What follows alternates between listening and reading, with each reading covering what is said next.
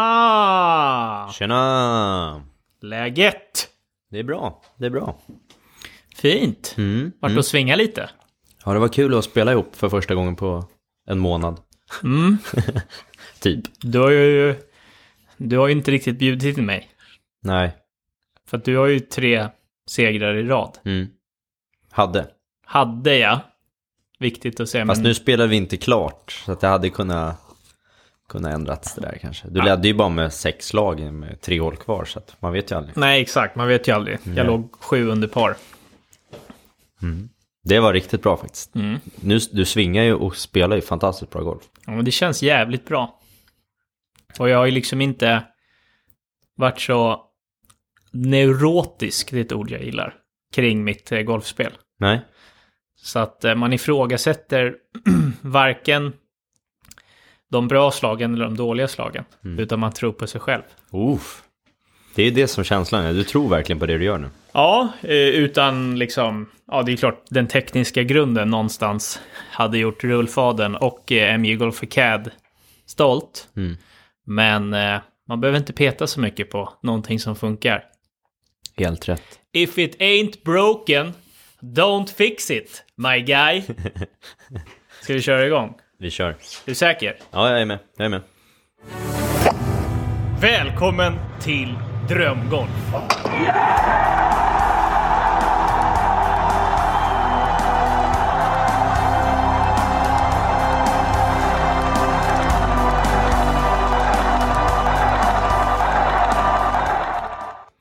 Välkommen till avsnitt 64 av Drömgolf. Nej, det kom ingenting från mig. Jag har slutat med sånt. Det är så här lite grejer du- man, man saknar, du vet. Ja, men det kommer snart. Eh, det är typ som om man hade en fru eller tjej som snarkar väldigt, väldigt högt så man Mm. kan inte sova bredvid dem. Och så skulle man göra slut. Mm. Kan du ju sitta där och sakna snarket på, på nätterna. Ja, efter, efter några nätter. Efter några nätter. Ja, I Ja, början så bara, gud vad skönt och tyst. Och sen så ligger man där och vänder sig om, så ring, ligger ingen där. mm, Nej, det är, tom, det är tomt. det är tomt. Nu har Eh. inte jag upplevt det eftersom jag har varit tillsammans med min tjej i 11 år snart. Mm. Men du har väl varit gräsänkling? Ja, det har hänt. Några få gånger i mitt liv. När du är gräsänkling Mm. och säger det till någon av dina male friends. Mm. Säger så här, men jag är gräsänkling nu i två, tre dagar. 95 procent av alla manliga re- reaktioner är Fy fan vad skönt. det är sant, eller hur? Ja, ja, ja. Åh fy fan vad skönt! vad ska du göra då? ja precis. Och det jag gör när jag är gräsänkling, det är att jag plockar bara inte undan saker hemma. Är det så? Ja, jag käkar middag framför liksom tvn. Och så låter jag tallriken stå kvar på vardagsrumsbordet. Uff. Inte för att jag liksom tycker att det är nice, utan bara för att jag kan. Ja. Det känns, det känns rebelliskt, eller hur? Ja, det gör det. Men egentligen är man en liten jävla mesjävel. Alltså jag, jag, jag... Det är många gånger jag funderar på hur det hade sett ut om... Hur hemmet hade sett ut om jag inte hade haft en tjej. Så. Det ska jag berätta för dig. För jag har ju faktiskt varit eh, ungkarl. Ja. Eh, och det var, mäk- det var en mäktig lägenhet alltså. På, på vilket sätt? Ja, men vi börjar med min vita skinnsoffa. Nej. Jo. Nej. Som kostade typ 30 brak. Åh jävlar. Det var liksom, om jag fick välja vilken soffa jag ville när jag var 20 år, då var det fan med en vit skinnsoffa. Mm. Jävlar. Det är inte praktisk. Nej. Sen är den ju inte så jävla skön. Nej. Men det var inte den här äckliga brajrökande Mio-soffan som varje eh, ungkarlslya har. Ja. Du vet den här gråa som Ja, vi har pratat om en sån som tidigare. jag har hemma. Exakt. Ja. Sen var det mycket möbler i svart lack. Mm.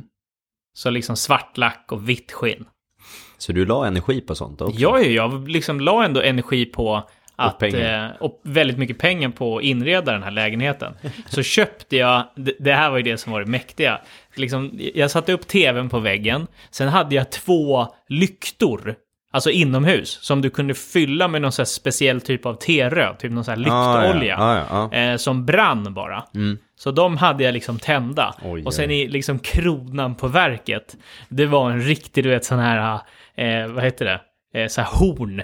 Det, det var någon sån här form av liksom plastvariant av, Ah. en, eh, av, en, eh, av ett buffelhuvud. Nej! Texas Longhorns Max. Ja, exakt. Riktigt jävla mäktigt. Eh, och sen hade jag en sån kofäll som jag köpte på, på Ikea. Vilket där var utan tvekan den vidrigaste mattan i världshistorien. För att det fanns ingenting som sög åt sig mer skit än den jävla mattjäveln. Sen hade jag även, vad heter det, en sån eh, annan fäll. En sån här fårfäll. Eh, Renfäll. Renfäll. Ja, den hade jag som matta i sovrummet. Åh jävlar. Eh, men jag la inte så mycket tid på sovrummet. Jag hade säng och en tv. Mm. Eh, och ett Playstation. Jag hade Playstation i sovrummet och i vardagsrummet. Hade du två tv-apparater? Ja, på 40 kvadrat. Nej.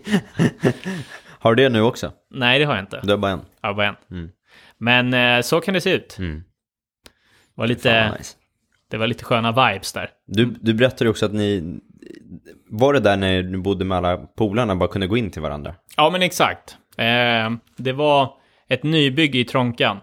Och så var ju jag och min polare Rango, vi var först. Så vi var där Mm. på liksom eh, sp- ja, spekulationsmötet, eller jag kommer inte... Ja. Nej, men typ man, man kunde boka upp en lägenhet i förväg, typ så två, två år innan. Eh, och då köpte jag en, eller bokade jag och liksom signade upp mig på en. Rango f- gjorde också det. Och sen så gjorde även min brorsa det. Sen så var vi totalt, kan det vart, en, två, tre, fyra, fem, sex, sju, åtta olika lägenheter. Så det var åtta polare som bodde i samma typ, inte trappuppgång, för det var tre trappuppgångar. Ja, jävlar. Så det var ju inte eh, ovanligt att man klev in till Rango, som jag bodde dörr i dörr med i kallingar och satte sig i hans soffa. Jag ägde också inte en dammsugare tills jag träffade min tjej och hon flyttade in hos mig. För Rango hade en, så jag kunde ju bara kliva in till Rango och låna hans. Så vi hade nycklar till varandra. Så att vi liksom bodde inte ihop, men vi bodde ändå ihop. Mm. Ni hade bara en, ni, det var i och för sig en rätt smart idé. Det var inte 40 kvadrat. Ni hade ju liksom 80, Det. och spelyta på liksom. Ja. Fan vad nice. ja, men det, det var... Det var det bästa, den bästa första lägenheten man, man kunde ha. Mm. Ja. Fan vad nice. Kollektivet. Ja. Är det någon av eh, dem som bor kvar där nu? Eh, ja, eh, min bror eh, bor kvar. Mm? Nice. Så det gör han. Eh, sen har nog fan alla flyttat ut. Mm. Gått vidare. Fan vad nice. Nu bor du lite bättre. Eller? Ja, eller jag bor, Er- i, jag er- bor i stan. E- Ja, du bor i stan. Ja, men det är fint. Det är Ja. fint. Nog om det. Jag har ju blivit tillsagd här eh, eh, av Marcus att eh, han har ett ämne som han vill prata om idag. Mm. Men eh, jag har ju också ett ämne Mm. som jag vill prata om. Och det är eh, motivation. Motivation. För första gången i mitt eh, liv gällande golfen så har jag varit, eh, och framförallt sen vi drog igång, igång eh, drömgolfsatsningen så har jag varit eh, omotiverad. Mm. Ja, för Att- det, det har ju varit en, det viktigaste nästan. Och Du, då har du typ planerat livet runt golf. Nu, är du, nu planerar du in golf i livet.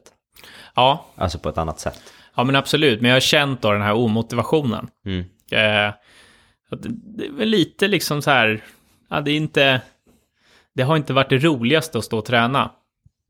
Vilket för många kanske låter rimligt. Det är klart man är trött på golf och Mm. att man säger att man ska ta de här vilodagarna. Men min tanke om att aldrig ta en vilodag har ju inte varit jobbig för mig. För jag mår ju riktigt fint i bilen på väg till träningstillfället. Även om jag ska stå på Gestaranchen i åtta grader en marsdag liksom för att ranchen har öppnat. Men den motivationen har varit väldigt, väldigt stark. Mm. Men nu sen årsskiftet mer eller mindre så har den inte varit så stark. Nej. Vad tror du det beror på då? Är det, är det bara det att golfen har, pl- har en liten platå just nu? Eller är det att det är inomhussäsong och det går inte att göra speciellt mycket? Nej, platå absolut inte. För det är väldigt, eh, det det blir jag Mm. väldigt motiverad av att jag ser förbättring år för år och månad för månad.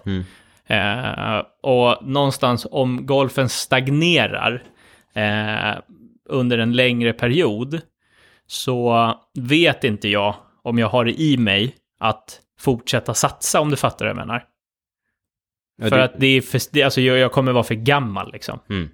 Eh, så så naiv är jag inte.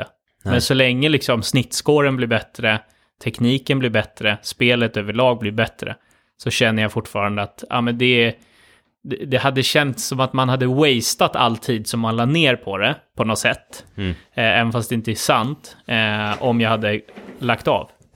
Och inte lagt av och spela totalt, utan bara lagt av och träna mycket. Ja, träna varje dag och drilla och ha, ha en, ett mål varje gång man går dit. Än men att det blir exakt. att gå dit för att ha kul liksom. Exakt. För att jag började ju spela golf för att jag tyckte det var kul. Mm. Så det är lite typ som att man startar företag med sin polare. Ja. Märker man efter tre, fyra år att det inte går att driva ett företag med sin polare, då kan man ju lägga ner företaget och så förhoppningsvis är man fortfarande vänner. Mm.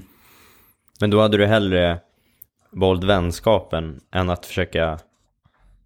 Ja, det där är ju situation till situation, men det är, du vill ju ändå behålla golfen på något sätt. Du vill inte s- säga upp golfen helt liksom, om du skulle tappa motivationen. Som det känns nu. Mm. Men eh, det kan ju vara så att det jag faktiskt tycker är roligt är ju förbättringen. Mm.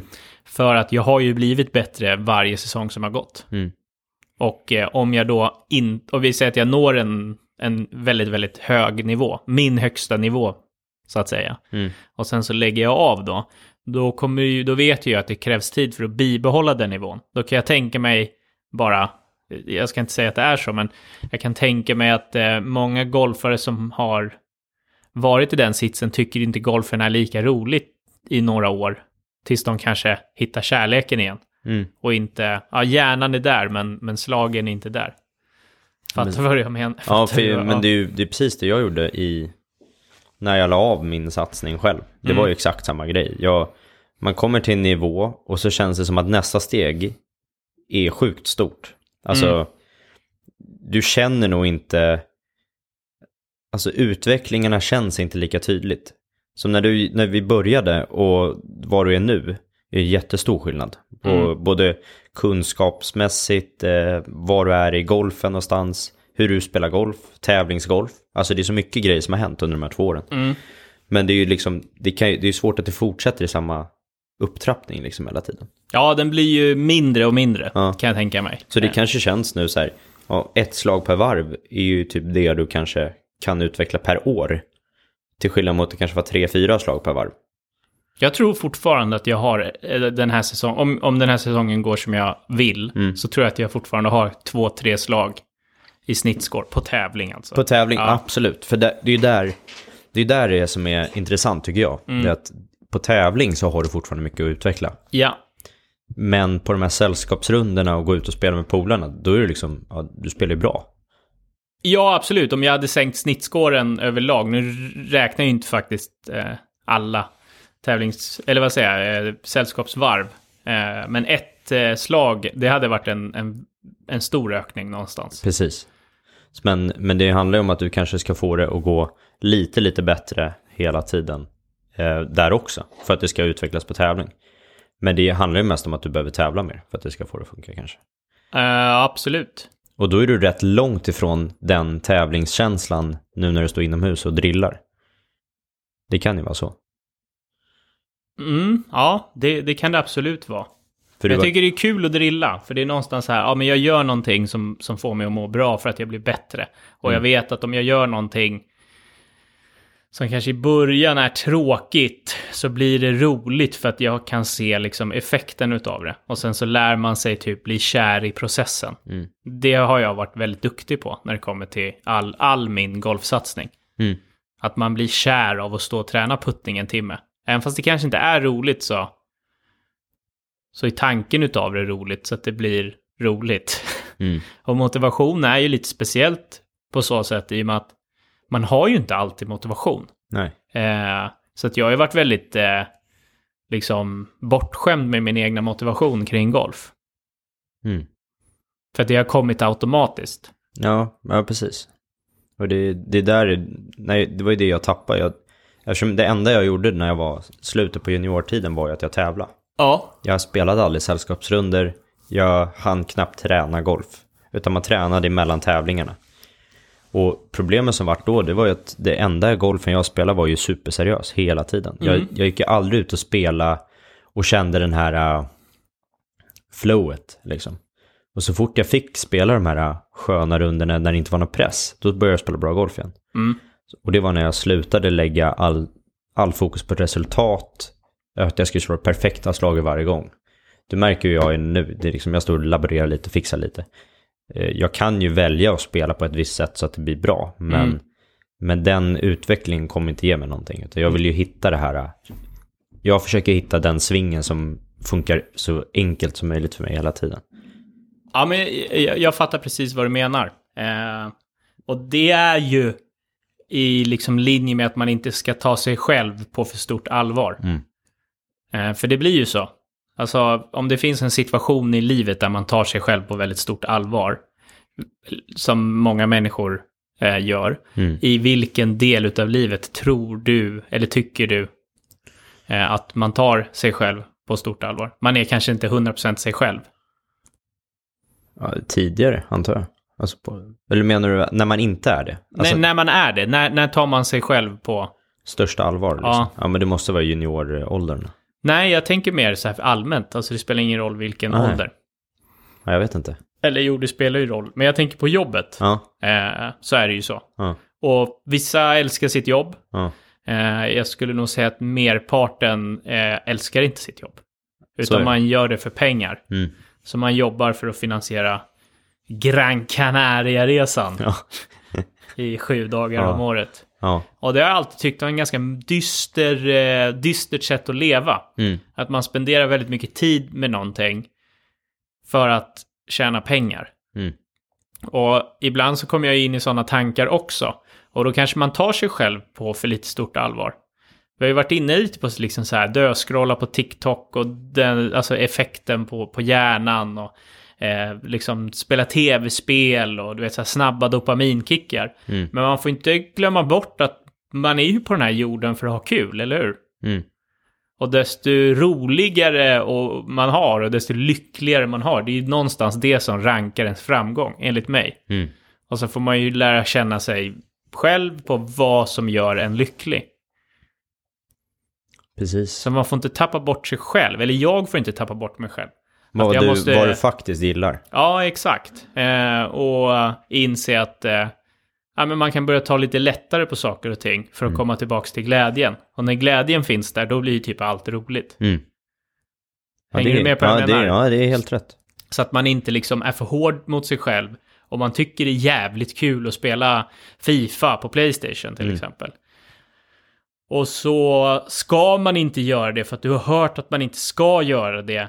För att då kommer du inte liksom bli framgångsrik om du inte sitter och dundrar ut eh, 49 mejl i timmen och liksom Mm. tar ett telefonsamtal och alltid är i farten. Mm. För du kanske inte ens vill det. Nej. Nej, precis. Mm. För vi är ju olika typer av personer. Det är viktigt att förstå. Och det, jag, jag tycker det, det är viktigt att förstå att du, vill ju, du ska ju vara den personen du vill vara. Då kommer du troligtvis göra ett bra jobb. Och, eller ha en bra relation, eller spela bra golf. Alltså alla de här bitarna. Mm. För att försöker du vara någon annan som du inte är, du är Mm. inte sann mot dig själv, då kommer inte det funka.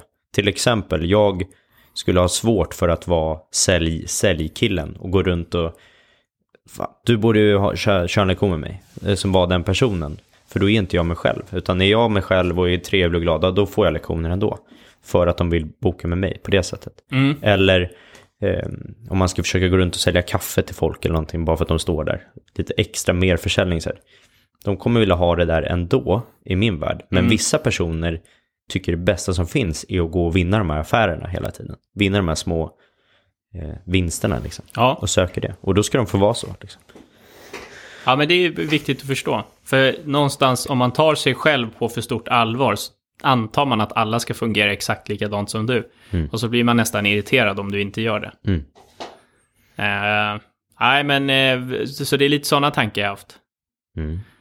Vilket eh, har varit rätt sunt. Det är så. Och liksom landa lite och påminna sig själv varför man gör saker och ting. Mm. Men det där kommer ju igår också. Ja, Med absolut. motivation och omotivation eller vad säger man? Jo, men det, man mår ändå, eller jag mår ändå bra av att eh, typ göra saker som jag kanske inte riktigt vill. Mm. Även om jag inte är motiverad. För då behöver man ju inte motivationen. Nej. Men om inte motivationen finns där överhuvudtaget gällande golf och kopplat till mig, Mm. så tycker jag det inte är kul. Och Nej. om jag inte tycker det är kul, så finns det ju ingen anledning för mig att göra det. Nej. Men det var jävligt kul idag när vi lirade. Ja. Och det Ja. har varit roligt nu senaste veckan. Mm. Och Du har ju hittat tillbaka lite till det här suget. Alltså, och, I- Absolut, det har Ja. jag verkligen gjort. Alltså, det, ja, det låter ju allvarligt. Alltså, det har gått eh, en månad och fem dagar på det här nya året. Så att, eh, det är ju typ fyra, fem veckor jag har varit omotiverad. ja. Men, Eh. men jag, tror, jag tror att det är helt sunt för att den perioden vi är på nu, i vart vi är i, eh, i golf-Sverige, eller, eller i, ja, i Sverige med golfen, så är det Mm. ju nu folk börjar börjar fundera på. Det har släppts nya klubbor och alltihop och man bara fan det händer grejer. Mm. Man börjar titta mer och mer på YouTube på vad som händer på Golf-Sverige. Mm. eller världen. Och tävlingarna på PGA-touren börjar bli roligare att titta på. Proffsen börjar spela. Och då blir det den här förväntan över, fan jag ska nog åka ner och slå lite själv. Och det är det suget som många ändå känner igen att det har man inte haft under jul och nyår för det är så mycket annat man håller på med ändå. Ja, men det är helt sant. Jag... Eh, d- det har hänt de senaste åren faktiskt att jag kollar på några YouTube-klipp. Eh, på någon av YouTube-golfarna. Mm. Eh, och så blir man ju bara brutalt taggad. Och man kommer på att det är inte så jävla lång tid kvar tills jag står där själv och hugger en ve- wedge Ja. in på green, på gräset. ja, det är så jävla fint alltså. Ja. Jag har ju slagit lite utomhus nu. På, på Ingerö, då deras ranch var öppen. Ja, Så jävla nice att se bollen flyga. ja det är nice alltså. Men sen att det är minus fyra grader gör att man kan stå en kvart kanske och göra det. Ja, Så det är det som är fördelen med inomhusträning. Men det är kul att se bollen flyga lite grann, för då påminns man med det är faktiskt det här jag håller på med. mm.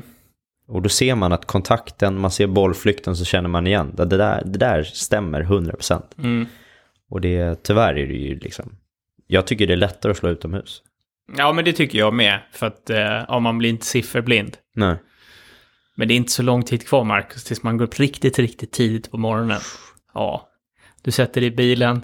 Det är ingen trafik ute. för Nej. Folk ligger och sover. Så parkerar du på golfbanan. Och sen så ser du, du vet, när solen ligger på daggen. Mm. Och det glänser om gräset.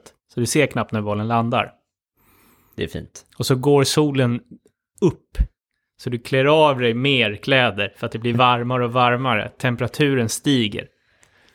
Så spelar du din 18-hålsrunda. Så kommer du in i klubbhuset vid kanske, kan det vara, 11-tiden. Så käkar du en lunch. Och så mår du riktigt jävla gött. Det är inte så lång tid kvar. Jag får rysningar. Det är så jävla nice. Den, Rysningar. den känslan är ju bortkopplad till prestation av spel. Ja, Sen så är ju lunchen godare om du presterar väl. Vet du vad man inte vill bli? nej. Man vill inte bli den här människan som säger jag är ingen tävlingsmänniska längre till sen jag skaffade barn. Nej. Jag är inte samma människa sen jag skaffade barn. Det är klart du förändras lite som människa. Eller äh, dina prioriteringar förändras förhoppningsvis. Annars blir det ju child support va? Eh. Soc kommer in här. Men eh, det är så här jättemärkligt. Bara, Ja, förra året så blev jag sur och jag var en tävlingsmänniska, men jag är inte det längre sen jag skaffade barn. Ja, okej. Så du alltså, Jag, jag skulle vilja se om ditt tävlingssinne försvinner. Det skulle men det, det, det, finns ju inte en chans. Det, finns inte. var inte så att jag kollade på min dotter för första gången hon kom ut och bara, nej fan, det är... Jag skiter i det här med tävling. Ja. Det är Nej. ju, nej, det finns ju inte. Inte för mig. Jag Nej. tycker det är bara märkligt att folk eh, säger det, för att det stämmer aldrig i praktiken, det är det jag vill komma till. Nej. Det är ju samma Nej, det människa som stämmer. knäcker wedgen över låret för att de... Ja, precis. Mm. Och så säger de att de är en annan person. För att de inte får möjligheten kanske att vara den personen som de har varit i sitt huvud. De tänker att jag kan inte vara så här längre. För jag är farsa nu. Mm. Men då blir du inte sann mot dig själv. Utan då försöker du vara någon annan du inte är. Ja, men exakt. Jag har ju ett litet skydd när det kommer till tävlingsmänniskan. Ja. Eh, sen vet inte jag om det är rätt eller fel. Men jag läste ju en bok, jag tror jag nämnt det tidigare i podden, eh, som heter From Good to Great to Relentless. Mm. Första sidan av boken handlar om att, eh, ja, boken handlar, det är, vad heter det, Michael Jordan och Kobe Bryant och Dwayne Wade tror jag det är, deras liksom fystränare och mentala coach. Mm. Michael Jordan sa jag det också. Michael Jordan och Wade, sorry. Ja, Wade, Co- Wayne Wade, eller vad- Kobe, ja. Ko- eh, Kobe, ja. Men första sidan handlar om att det här, den här boken är inte liksom en bok för att du ska må bra. ja, just det. Utan det här är bara för att få en inblick till hur extrema tävlingsmänniskor, och- eh, tävlingsmänniskor och vinnarskallar eh, fungerar. Nu jämför jag mig absolut inte med MJ. Golf Academy. Nej, MJ the GOAT. The Goat. Eh, det gör jag inte, för han är ju manisk. Ja. Han har ju en störning Mm. eh, i huvudet. Han, alltså, där har du ju tävlingsmänniska. Ja, m- om man hör det här med Kobe Bryant, han står och tränar extremt mycket. Alltså han, ja, men jag kör ett pass till mot alla andra. Mm. Och så bara för att det kommer in någon annan och tränar, då kan han inte gå. Utan han måste träna mer än den personen. Ja, men Det är ju exakt. Extremt så här, ma- maniska personer. Mm. Ja, men det är ju liksom eh, absolut inte jämför med. Men däremot så sa jag ju det till dig när vi har varit och tävlat ibland. Mm. Att eh, jag inte kan vara en, eh, i alla stunder kanske din bästa vän. Nej. En god vän när jag tävlar. Nej. För att du får separera på vännen Max och tävlingsmänniskan Max. Mm. Eh, och det är, ka- kan du acceptera det? Ja, ja. Ja. För att jag kommer kanske inte alltid bete mig som den väl uppfostrade goda vännen som jag är. Utan eh, Alla andra ja, dagar om året. tappar jag det så måste jag ändå liksom få tillåtelse att tappa det. Ja. Sen om jag riktar all min aggression mot dig, ja. kanske inte är den bästa vännen. Nej, nej. Vi Och- kanske inte ens är den bästa tävlingsmänniskan. Men eh, du måste acceptera det. Ja, och det, det var ju det som var, det, det är ju svårt, alltså för ibland, ibland säger du ju grejer, och jag har ju fått uppleva det här flera gånger, Mm. men, men det är ändå det här, äh, det, det är ändå när vi lämnar därifrån så, så får man ändå en kram och liksom säga att det, det är lugnt, så går vi vidare. Ja, Eh, Ja, absolut. Det är inte så att jag liksom inte snackar med dig på två veckor. Nej. Eh, utan jag är väldigt snabb I på, ja. situationen och sen koppla ur, koppla på. Ja, men, Men- eh, men och så att där- inte du tar det på för stort... Eh, eller ja, ta- tar det på för stort allvar någonstans. Nej, men, men jag fattar ju också att man blir irriterad och hur det funkar, för jag, jag är inte heller jättebra när jag tävlar så. Nej, mot, eh, jag går och gnäller och jag är liksom, precis som du, du har ju spelat KO med mig när jag var sjukt irriterad på, på att det gick långsamt och sådär. Den personen möter du ju aldrig egentligen annars på det sättet kanske. nej, men det är som att man får tillåtelse att vara ett litet barn igen. Ja, Och det kan vara ganska skönt. ja. Eh, sen, eh, ja, eh, det, det är liksom... Det, det känns... Det, det är det som är, eh, vad heter det? Skyddet. Mm. Det är första sidan i From Good to Great to Relentless. Fast jag vill skriva om det lite att jag kommer inte vara en bra vän eller en bra människa när jag tävlar, utan det enda som spelar något roll, något roll, Något rått. det är hur bra du presterar. Ja, Eh, och om resultatet på tavlan är bra så har du lyckats. Inte hur du har behandlat dina vänner eller dina medspelare. jag är inte så osportslig, jag är ju inte. Jag fuskar ju inte heller för den delen. Så Nej. någonstans har man ju lite vett i bakhuvudet. Men du fattar poängen. Max Reed. Legenden. Putte Reed. Putter Reed. Det är svårt att se vilken pall man slår till, men det är, så är det. Jo, men ska vi ta det liksom eh, Palme... Mm, den kan vi ta. Det kan vi prata om. För att om jag kollar på en dokumentär som han, heter Game Changers, Mm. som handlar om vegankost, så kommer jag ju automatiskt kolla på den dokumentären färgad av att jag äter kött varenda dag och jag har ingen planer på att sluta äta kött. För jag älskar, fucking älskar kött alltså. Ge fan i min ryggbiff. Så då är jag ju väldigt färgad. Ja. Så det, är vä- det ska krävas väldigt, väldigt mycket för att jag ska bli vegan. Eh, Mm. Och, och du ser den med en skeptisk eh, blick hela tiden. ja, jag ser det ur en hatares perspektiv. Ja. Lite som när jag kollar på Idrottsgalan. Ja. Eh, Melodifestivalen. Och det här har väl någonstans Patrick förtjänat. För att eh, han har ju fuskat Precis. och det finns på film. Mm. Men om man tar Palm-exemplet så är det ju många som hatar på Patrick. Men det är väldigt många golfare där ute på tävling när det inte är kameror som skulle kunna göra samma sak. Ja, För att ni vet inte om det är den andra eller första palmen som den går in i. nej. Eh, så att han kanske visste det, han kanske inte visste det. Mm. Men kolla inåt innan man hatar på just den situationen. Mm. Ja, men för att eh, det är ju- är ju väldigt svårt att se det därifrån där han är. Alltså om man ska säga så. Jag vet inte, jag har inte s- liksom så här. Det jag- enda man ser är att eh, ja, den går i första palmen. Ja. Men, Han- och sen han- så står han och pekar på andra palmen, så säger han att det är hans boll. Och är helt 100% säker på att det är hans boll. Ja, Och vad, vad han än säger där och så vidare. Men så, det, du, du säger en viktig grej, att, att han har fuskat tidigare gör att du ser på situationen som att nu har han fuskat igen. Men hade det hänt exakt samma grej som med Rory eller någonting, då hade man nästan tyckt så här a- att det var något skumt liksom. Men nu, nu ser man ju liksom, alla tittar ju på den här, "Ah, har han fuskat nu? Har han fuskat nu? För man, man vill nästan se han fuska. Eller hur? ja, ja det, man vill ju det. Eh, det vill man ju För, verkligen. för man vill bekräfta den synen man har på honom ja. hela tiden. Han är ju äcklig, det är han ju. Ja. Alltså, Ja, det är ju, ja, ja. alltså det, jag, jag, men jag tänkte bara att man kanske, man får tänka ett steg längre kanske. Ja. På sig själv. Ja, men, ja, ja absolut. Och jag, jag tror ju att väldigt många golfare hade nog alltså skitit i det där. Det är inte så stor big deal på det sättet. Nej, men han har väl bättre inspelsvinkel från den, den mittersta palmen givetvis. Sen får man ju ta i åtanke att det är Patrick, Patrick vi pratar om. Mm. Eh, och eh, Ja, men, men, men det är så här, hade han inte hittat sin boll där uppe så hade han fått gå tillbaka till 10. Så han tjänar ju rätt mycket på att hitta sin boll i, i palmen. Det är Men det. det gör han ju, och det är ju det, det är den här att man måste ansvara och man måste 100% veta. Mm. För det är en regel som glöms bort mycket. Du måste vara 100% säker på att den gick i det här vattenhindret. Mm. Och jag har varit i en situation på en tävling där jag inte var 100% säker om den gick i vattenhindret. Okej? Mm. Men de Och har det en- var på Torshälla, hål nummer 16 tror jag att det är. Men de har ändrat den regeln. Har de gjort det? Alltså, s- För flera år sedan. Jag tror det är 95 procent. Du ska vara, det ska vara eh, vä- extremt, alltså den, den måste vara här. Men du är inte 100 procent, du har inte sett den gå ner. Om du Nej. har sett den går över ett krön ner Ja. i vattnet. Men det är liksom, den kan inte ligga någon annanstans, den måste vara i vattnet. Mm. Då får du droppa. Om alla är överens i bollen liksom.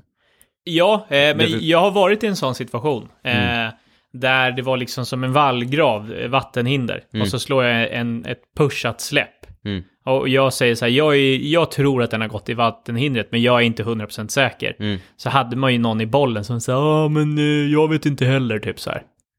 Eh, jag brukar aldrig vara, Mm. alltså den killen. Nej. Men han sa det.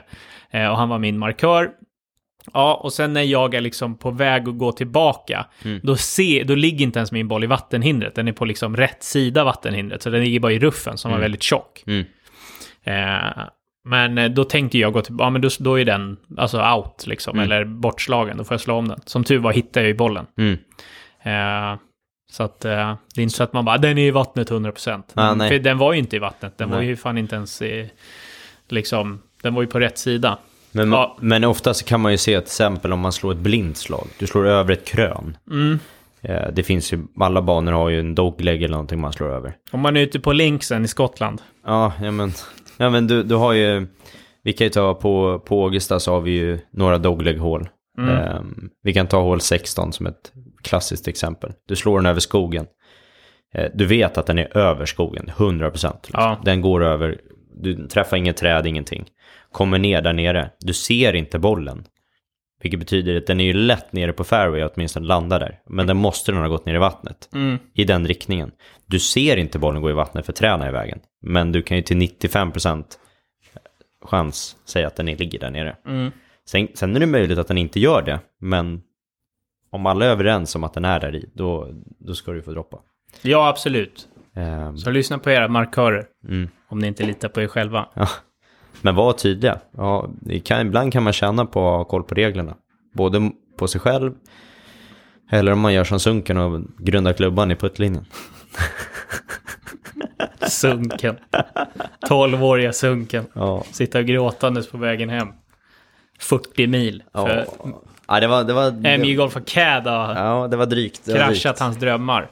Men eh, så går det. Ja. Man förtjänar det. Ja. Apropå Sunken. Mm. Ska vi gå in på det jag har- vill prata med dig om? Ja, du har ett ämne ja. Just det. Det hade jag glömt bort. Mm. Ja, men ett ämne som är att du ska kunna, ja, kunna spela golf som heltidsgrej eh, ut, och ändå kunna gå runt på det. Som väldigt många golfare, både eh, de, sådana som tävlar, Mm. och, eller sådana som bara vill göra det här mycket mer, eller de som jobbar med det som tränare. Sådär. Mm.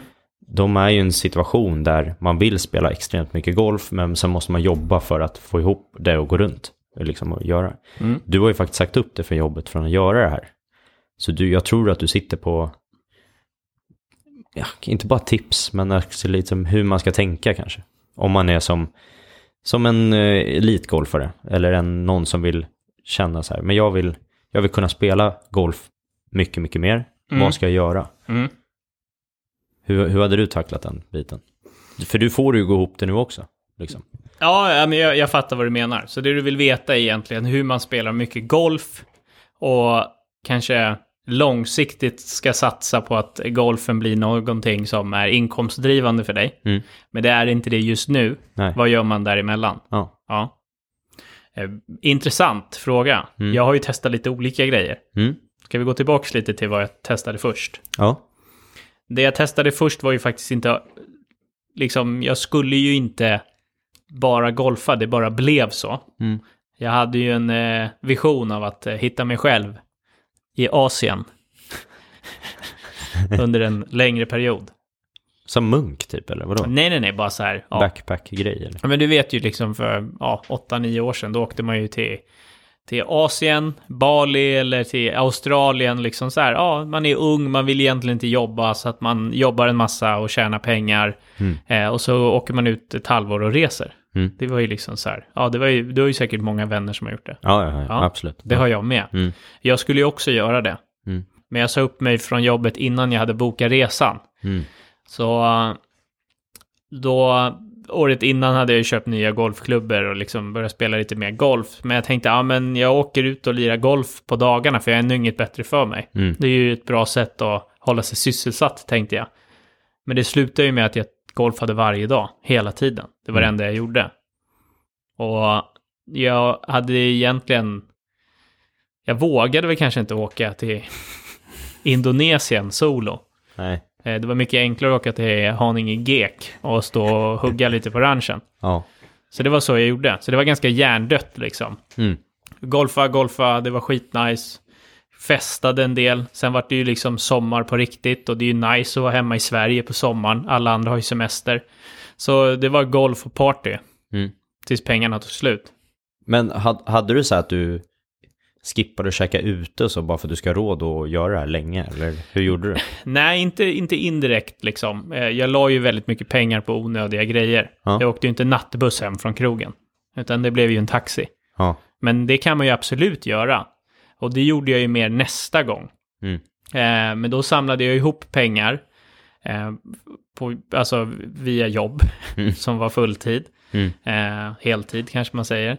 Och då gjorde jag så att eh, då hade jag ju sparat ihop en peng liksom. Eh, Mm. Som jag skulle leva på. Så det hade jag ju tänkt eftersom jag bodde ju själv liksom. Jag hade ju min lägenhet och bil och allting. Så jag hade ju budgeten på hur länge jag skulle klara mig. Så att det var viktigt att sätta ihop en budget. Mm. Och då är det ju typ bara mat du behöver. Så, det, så det är en bra grej att Mm. börja för de som håller på med det. Sätt upp vad är dina kostnader? Ja, eh, Vad, vad kostar ett år liksom? Som, exakt. ja. Och sen så är det ju utifrån dig som individ, du kan ju ha olika levnads... Jag har ju haft en ganska hög levnadsstandard om man säger så. Mm. I och med att jag har bott själv i min egna lägenhet och haft bil och, och liknande. ja. Eh, så då får du ju sätta ihop vad, ah, okej, vad behöver du för pengar för att gå runt? Och sen får du ju lägga en matbudget etc. Mm. Så det är ju viktigt. Så på så sätt, men då gjorde jag det liksom. Då var jag ledig från, från jobb då från första april till typ, vad kan det ha varit?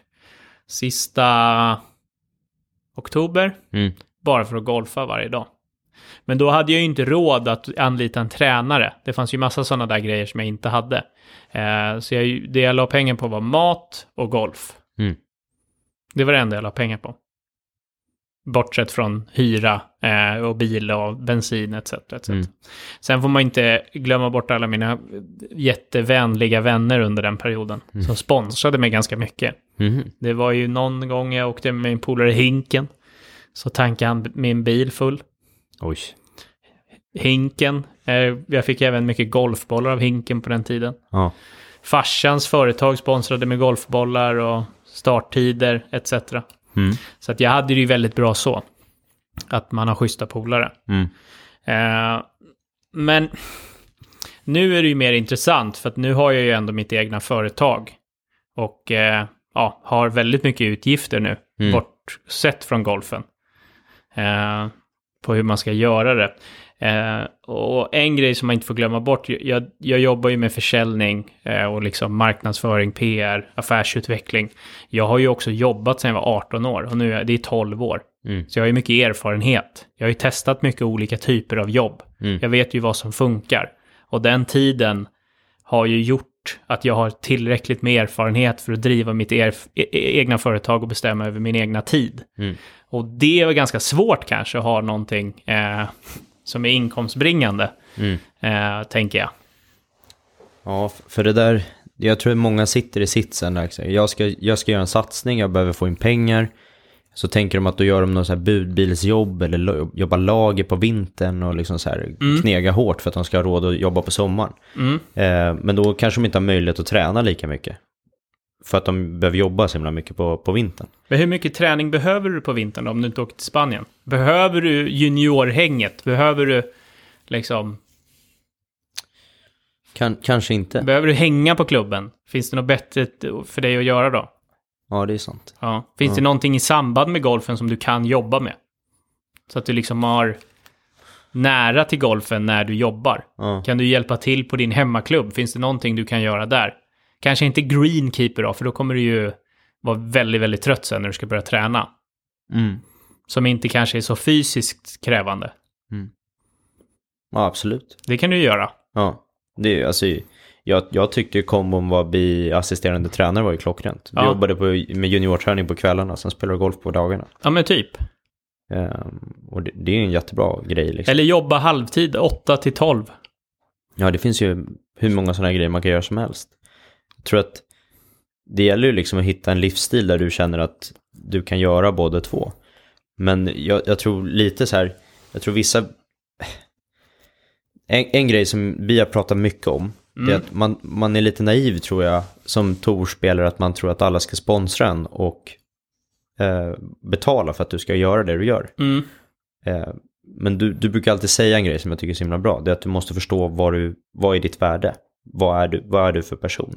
Ja. Eh, ja, vi hade ju ett helt avsnitt om det. ja, Att det finns inget värde för mig att sponsra någon på Sverige-touren för att min logga ska synas på deras kläder. nej. Så indirekt så ska man ju ha eh, sponsorer och bygga upp någon form av sponsorpaket. Erbjuda det värdet du kan erbjuda. Det vill säga att om jag bara skulle golfa så kommer ju målgruppen jag riktar in mig på är ju bara de här sköna bygggubbarna som hänger på nästan alla golfklubbar i hela Sverige. För de älskar ju golf, de driver sitt företag, eh, men då är det ju välgörenhet vi pratar om. Det är ju precis det det är. De tycker att du är skön, du kan erbjuda kanske någon svinglektion en gång i veckan eller liknande till eh, ja, personen som äger företaget som faktiskt sponsrar dig. Du kan säga att du kan vara med på samtliga liksom, företagsevent som de kör. Eh, samla ihop ett gäng med dina polare. Och nästa gång, eh, ja, du, du kan erbjuda liksom, ja, men ni kan ha ett proffs i bollen på en scramble-tävling till exempel. Då kanske du har sex stycken liksom elitgolfare och så får de här eh, bygggubbarna vara med och lira. Och så då tycker de det är ascoolt. För deras syn på golfen är inte i närheten av vad din syn på golfen är. Nej, och så kan man göra så med varandra. Så att om, om du är med på mina eh, företagsevent så att, som proffs så kan jag vara med på dina och jag stä, ställa upp sådär. Men man måste ju också förstå att eh, det är en väldigt smal värld om du ska bara, bara kunna spela på din egen golf. Det- Jag skulle säga att eh, jag tror att det är typ 500 pers i världen som kanske kan bara, bara göra det de vill, helst vill göra ut- utan att ställa upp på alla sådana här eh, tävlingsevent och sådär. Jag tror jag hörde att det är topp 150 på PGA-touren som faktiskt får det att gå runt på riktigt liksom och Ja. lever gott på det. Ja. Sen är det oftast utgifterna för stora för att det ska vara ett gott liv eh, bortom den gränsen. Mm. Och då kanske det är topp top 50 på Europatouren, om ens det, Mm. som har samma. Och, och sen är det alla Live Tour-spelarna har det. De går runt. Ja men det gör de, det är ju skitbra. Nej, men, men då måste man ju förstå också att eh, som Sverigetorspelare eller ännu mindre minitorspelare, och något så här, att man ska bara kunna spela golf, det känns som en väldigt long shot. Utan det gäller ju liksom att du får ställa upp. Du kanske inte kan stå och grinda varje dag. Du får ställa upp på företagsgrejer och spela med dina företagspartner och sånt, eller hur? För- Ja, för- för eller det är ju- bara ha liksom så här, vad är ditt värde? Är du liksom en mussla och inte kan prata, men då kanske det är svårt för dig att liksom eh, skärma de här Mm. eh, bygggubbarna till gränsen av att de vill sponsra dig med liksom tävlingspengar eller bollar eller kläder eller Mm. whatever. Eh, för att man, människor mår ju generellt ganska bra av att, att dela med sig. Är jag väldigt framgångsrik och älskar att spela golf och har mycket pengar. Ja, men eh, jag hade ju mått bra av att dela med mig av mina pengar till en golfare som jag gillar, som jag tycker är skön. Mm. För att han ska liksom, ja, ha det lättare. Mm. Och, och då är det inte för att han ska gå runt med eh, drömgolfloggan på armen. liksom. Nej, det är för att jag vill hjälpa han, Ja. för att jag tycker om han som människa. Ja. Mm. Eh, Det är ju det, är det enda, så det är ju välgörenhet vi pratar om i, i grund och botten. Och sen hade jag ju då uppskattat tillbaka om, även om inte han har m- så mycket att erbjuda till mig, att han ändå erbjuder någonting. Mm. För då visar, visar han tacksamhet, då tar han det inte för givet. För man gillar ju liksom inte en diva då som tänker så här, ja men jag är ju så jävla grym. Men vad, vad skulle det kunna vara till dig? Om, du, om vi säger att du med tillväxtbolaget ska sponsra en spelare. Vad, vad skulle du vilja liksom ha av tillbaka? Förutom att det är en person du tror på och vill stötta. Liksom. Vad skulle en spelare kunna göra? Ja, men inom golfen så är det nog bara det. Att jag vill stötta en skön spelare som jag gillar som person. Mm. Det är bara det. Ja. Eh, men sen om jag hade kanske varit fascinerad av golfen och kanske 8-9 handikapp och Ja. tycker det är kul att kolla på pga touren Ja, men då hade det väl varit att spela golf mer med riktigt duktiga golfare. Och det finns det extremt många som vill göra. Det finns jätte, jättemycket för då kan man ju bara, "Ah, fan jag lirar med Marcus Jonsson, alltså han slog ju en drive här över träden. Mm. Fan, 275 meter carry alltså. Mm. S- Sidvind och grejer, det- men du, du hör ju bara. Du vet, eh, de tycker ju sånt är coolt och Ja. det är ju förståeligt för då, du kan ju slå slag som de bara kan drömma av att slå. Ja. Eh, Och då, ja, då finns det ju ett värde i att visa upp sig så. Eller kanske om de ska erbjuda sig. Om ni ska spela någon så här företagstävling eller någon företagsscramble. Jag är jättegärna med och spelar. Så då tar man tid för att göra det. För att visa sin uppskattning. Mm. Jag tror liksom inte ett Instagram-inlägg där man tackar sina sponsorer eller loggan på, på vänsterarmen. Det är inte där värdet ligger. Nej. Nej, så är det. Eh, Jag håller med. Mm. Och jag tror man måste våga öppna upp sig. Och vara den själv, alltså du ska erbjuda grejer. F- s- som att, ja men, eh, så att det inte blir att ni sponsrar mig och sen så, så gör jag grejer för er. Utan att, men, att man får nästan bjuda lite mer än det man tror att man får. För då blir det mer värt för mig att, okej fan vad kul, jag fick, jag fick stå och träna och slå wedgar med, med Marcus här, fan vad kul det var att att stå och träna och se hur han tänker och fråga grejer bara. Sen behöver inte det vara att du är ju golfspelare, du är inte en tränare. Så du kanske inte behöver vara värsta swingcoachen för den här personen. Men däremot kan man ju säga så här, du, eh, jag är jättebra polare med, med tränaren på den här klubben. Vi har, en- vi har en deal att alla som stöttar mig, de får, eh, får liksom mycket billigare lektioner eller någonting. Och det går jättebra att lösa för att tränarna på klubben vill ju ofta ha att deras bästa spelare lyckas med sitt liv. Och man kan göra grejer där. Ja, absolut. Och sen ha ett aktivt Instagram-konto tror jag är viktigare. För att eh, om människor på klubben som inte sponsrar dig bara ser hur det går för dig i din golfsatsning. Alltså, m- du har ju mer supporters där ute än vad du tror. Speciellt på hemmaklubben. Man vill ju supporta sin bästa spelare på klubben. Visa att du är i Spanien och tränar. Visa att du missar kvalgränsen. Etc, etc. Alltså visa allting. Så att, eh, Jag, jag får en liten, jag, vet- du har säkert en bra svar på det, men jag, jag tycker många golf, ung- yngre golfare tror att man måste spela bra golf för att få- få sponsorer. nej. Och som du säger, det, du har all, alltså det, man sponsrar inte de bästa spelarna bara för att de är bäst. Det är ju samma sak med de här torspelarna vi har på, på PGA-touren. Mm. Det är ju vissa som är mer intressanta att titta på än andra. Mm. Och det är inte för att de kommer etta, tvåa, trea varje tävling. Utan det är för att det händer lite grejer. Alltså Tiger var ju ett speciellt för att det hände grejer när han spelade golf och var jävligt bra. Mm. Därför var han väldigt intressant för sponsorer antar jag. Jo men absolut. Det är ju, men, Mediatid, men du man säger. kan ju inte jämföra sig med liksom den bästa golfspelaren genom alla tider. Nej men ta... alltså Nike ta, har ju tjänat enorma pengar på Tiger. Alltså så här, det är ju det är klart han kommer få enorma pengar tillbaka. Men eh, nu pratar vi mer på liksom undertorsnivå eller Ja, ja, absolut. liksom Absolut. juniorer som är 22 som ska börja satsa. Alla kommer ju inte vara lika bra som Tobbe. Nej nej. Men tycker man det är askul att göra en proffssatsning och vill lägga ner tiden på det, ja, men då kanske man får acceptera att man behöver göra grejer eh, som man kanske inte vill. Mm. Det finns ju jättemycket framgångsrika människor som har jobbat extra för att supporta sin dröm. Eh, jobbat på, jobba natt på 7-Eleven liksom. Mm. Det kanske inte är optimalt, men eh, om det är det som krävs så är det det som krävs. Vissa måste gå en längre väg. Och jag, jag tror man måste öppna upp att jag kan inte alltid få göra exakt det jag vill i, för att jag ska nå framgång på det sättet. För jag tror inte någon av dem som vi tittar på där uppe har haft en räkmacka hela vägen. Eh, Nej, det är väldigt, ingen. väldigt få liksom. Alltså det är ju ingen. Sen så om, om man tänker lite det du och jag gör med den här podden. Mm. Så är det väldigt ingående på hur det går i min golfsatsning. Mm. Alltså så långt att vi dokumenterar och poddar om det. Sen kan det ju sväva iväg och handla om andra grejer. Mm. Men vi säger att jag faktiskt inte hade jobbat och 100% lagt min tid på det här. Då hade ju podden varit en form av liksom ja, ett sätt för, för oss att nå ut och då blir det ju mer intressant att sponsra mig för att jag når fler människor än om jag klarar kvalgränsen på More Golf Mastercard Tour. Ja, för ha- om vi säger, och även sociala medierna, Instagram, Facebook, YouTube. Jag hade synts extremt mycket mer om målet var att du skulle hitta sponsorer och liksom sådär för att du ska spela. Ja, Ehm, så att jag tror, ju, som du säger, syns, hö- s- du måste synas, du måste höras och du måste liksom kanske öppna upp och göra grejer som du inte enbart är, gynnar din golf utan faktiskt få in lite pengar så att du kan göra det. ja men eh, exakt. Och det som är intressant nu, i- vad heter det, det är att eh, när jag började eh, göra det vi gör nu så var, alltså, jag hade inte läst någonting hur man ska få livet att gå ihop eh, vid sidan av golfen. Det vill säga företaget du driver som är det som supportar din livsstil. Mm, Men om vi tar Alexander Wiklund till exempel, eh, vår kompis.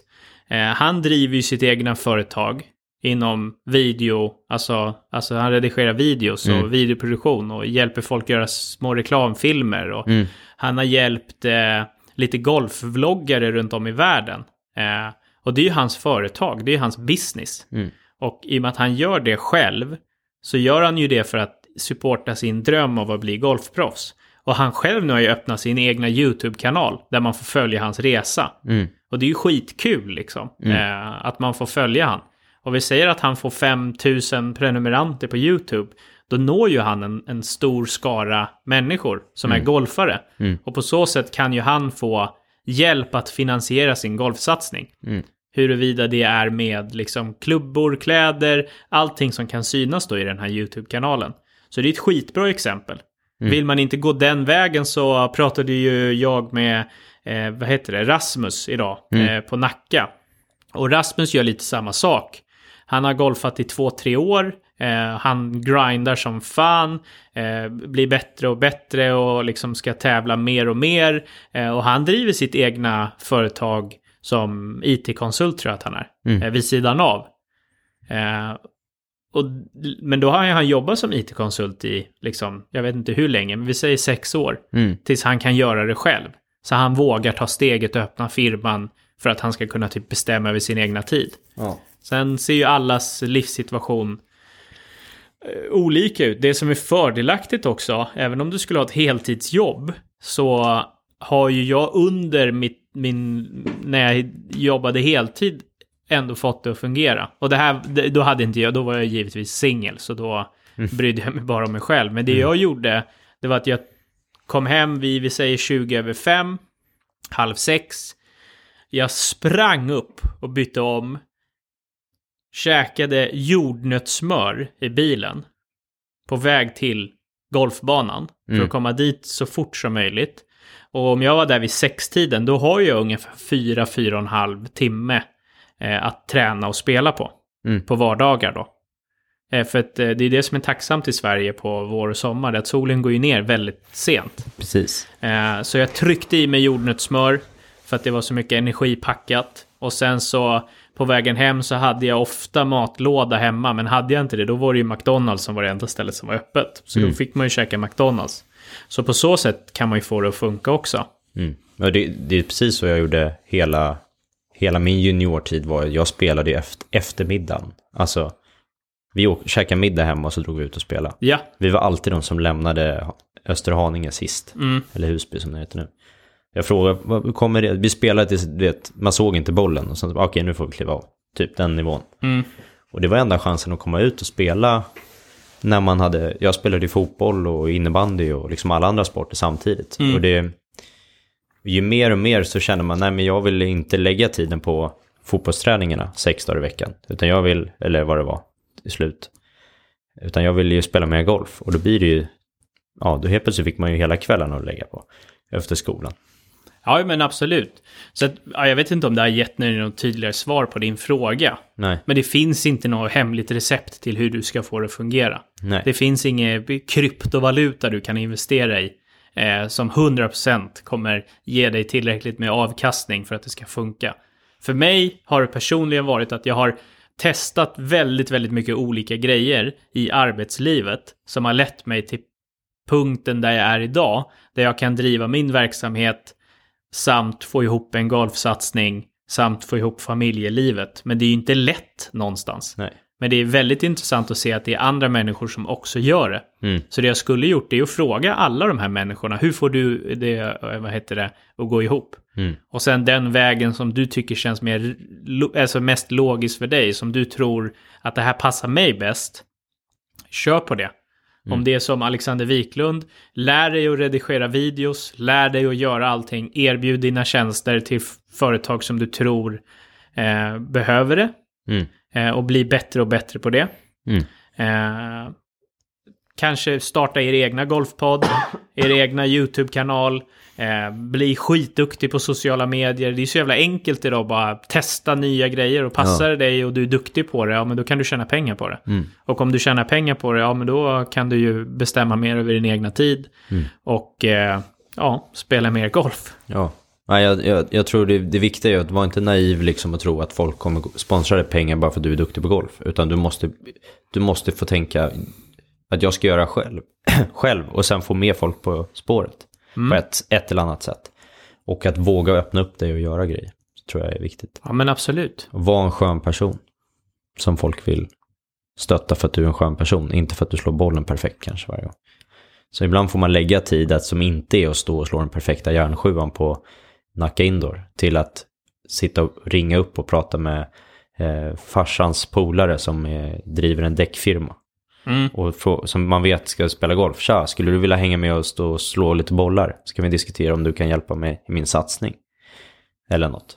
Ja, Och då, det kanske inte ger dig den perfekta golfutvecklingen, men du får en jävligt skön polare som kommer, eller någon som kommer stötta dig för all framtid kanske. Absolut. Och förvänta dig inte för mycket tillbaka. Utan ge mer än vad du får tillbaka. Så kommer du få tillräckligt tillbaka i slutet av dagen. Mm. Eh, det är asbra.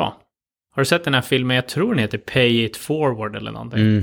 Vi Sjukt såg- bra. Man såg den i skolan. Mm. Men det är ju rätt sant liksom. Alltså jag är 30 år. Om jag liksom hänger med juniorerna på Ågesta så förväntar jag mig ingenting utav dem. Nej. Utan jag kan ge till någon kläder om den behöver kläder eller eh, bjuda på lunch eller alltså whatever. Alltså bara eh, ge det jag kan ge. Och sen så finns det ju någon som är 45-50 på Ågesta som är mer liksom mycket mer framgångsrik än vad jag är. Och då får man ju grejer utav den. Mm. Eh, och så, så, så man liksom ger vidare hela tiden. Det, Mm. det tycker jag är ett ganska bra sätt att, att leva. Och när du kan ge till någon som är över dig och äldre dig, försök det, men det är inte säkert att de kommer vilja ta emot det. Nej. Men det, är- det är ju helt rätt.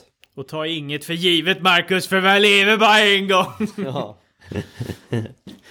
Nej, jag, kanske inte, jag var ju lite oförberedd på det här. Jag kanske skulle ha skrivit ner några punkter. Men, eh, Men det är- förhoppningsvis så förstår ni poängen. Ja, jag tror att det är en, en bra summering. Och jag tror att det är, som du alltid säger, är det någonting som man har frågor om?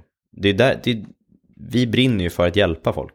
Om det är som att ni vill ha någon tips på hur ni ska slå en golfbollen bättre, eller om ni ska, hur, hur ska jag lägga upp det här nu när jag ska prata med min eh, potentiella sponsor? Har du något tips på hur jag ska värdera mig? Eller Alltså, har man några frågor så kan man alltid fråga. Och Ja, ja, för vill fan. vi inte svara så svarar vi inte, men ni ska aldrig behöva förvänta sig att ni behöver något, eller ge oss någonting, utan vi vill gärna ge er. Ja, Och det är viktigt. det är viktigt. Förutom om man bokar en swinglektion med MJ Golf Acad, då kostar det 999 kronor i timmen. Nej, Men det det är är värt- faktiskt det- ganska många swingtips som vi har gett, eh, Ja. eller som du har gett rättare sagt, eh, på Instagram. Så det gör vi gärna. Har ni något specifikt eh, swingtips så är det bara att skicka DM till oss, så Mm. kommer MJ Golf Acad svara när han har lust. Precis som eh, veckans vingtips som inte blev veckans vingtips den här veckan. Vi har ingen veckans swingtips den här veckan, eller hur? Jo, jag Ja. har en nästa veckas vin- swingtips. Men först så ska ju chip- chip-videon komma ut. Den ska komma ut. Men har du ett eh, veckans swingtips till Ja, poddavsnittet? och nu är det the shit som kommer nu. Okej. Ja, och det är tempo. Tempo, tempo, tempo, tempo, tempo. Man måste ha bra tempo om man ska spela bra golf. Ja. i min värld. Och det är oftast det som fallerar från när du spelar som absolut bäst till när det går åt helvete. Det är att tempot är fel. För att jag tror alla känner när man spelar sin bästa golf så känns det väldigt enkelt. Det är bara svingen flyter på. Det känns som att man typ inte gör någonting och bollen går dit ändå. Då har du oftast ett bra tempo. Och det kan vara timing, alla sådana här bitar som ligger in. Men väldigt, väldigt ofta när jag ser skillnaden på en sällskapsrundssving och en tävlingssving så är tempot olika. Ja. Det är inte så att om man filmar så kommer du säga så här, ah, nu kommer jag helt plötsligt 12 grader utifrån. Alltså, du, du ser ju ungefär likadant ut. Det är bara det att kanske vändningen på toppen går lite för fort. Och då misstimar du alltihop och så går bollen bara jättemycket högre eller någonting. Mm. Så att tempot är en grej som alla behöver träna på. Och det är någonting som folk är rätt dåliga på att träna på. För man har 100% tempo hela tiden på alla slag. Eller s- speed. Mm. Att våga svinga mjukare, våga svinga lugnare. Och sen så finns det en övning som är extremt bra för att göra det här. Och få en bra skön känsla på, på svingrörelsen. Och det är elefanten. Som jag lär ut till ungdomar att köra. Du vet elefanten va? Nej, det vet jag inte, men det låter ju som Tänk, tänk, dig, ungdomsövning. tänk dig en, en stor tung elefant som går. Och så snabeln, den hänger där framme. Ja. Och när, den- när varje steg den tar så åker snabeln åt höger eller vänster. Ja, Eh, om, precis så funkar det i golfsvingen. Så. När du står så ska du kliva höger fot, vänster fot, höger fot, vänster fot. Så du lyfter på fötterna. Då går klubban åt andra hållet. ja, Så när du svingar bak så tar du hö- kliv höger fot och så svingar du bak med klubban. Och sen kliver du fram med vänster fot så kommer klubban framåt. okej. Så det blir fot, sving, fot, sving. Och så går du fram och tillbaka så här. Och sen så ska du gå då framåt eller bakåt. Och så ska du slå bollar på rad så det blir så här äh, träff, träff, träff. Så. Ja, Bak, men, fram, jag bak, fattar vad du fram. menar. Men jag tror ju absolut eh, vi behöver två grejer.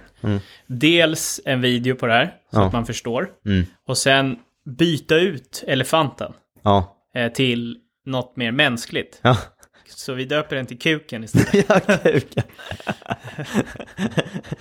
Ja, ja, det tilltalar ju våra föl- eller lyssnare mer kanske. Ja. ja. 90% män. Så nu ska vi börja med kuken. Marcus lägger ut en bild och en video på kuken senare i veckan.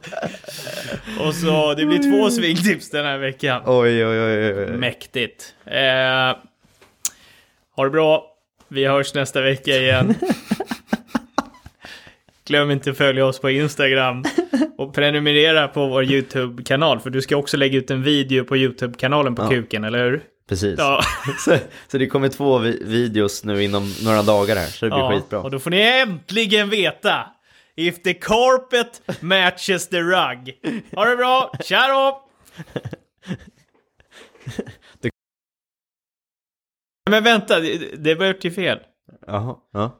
The carpet matches the rug. ja. Det är ju fel. Det, det låter jättekonstigt. Ja, det var min egna spår iväg. Vad är rätt? Jag vet inte. Vad säger man? Nej, kort och gott, vi ska se om du är rödhårig där nere också. Ja.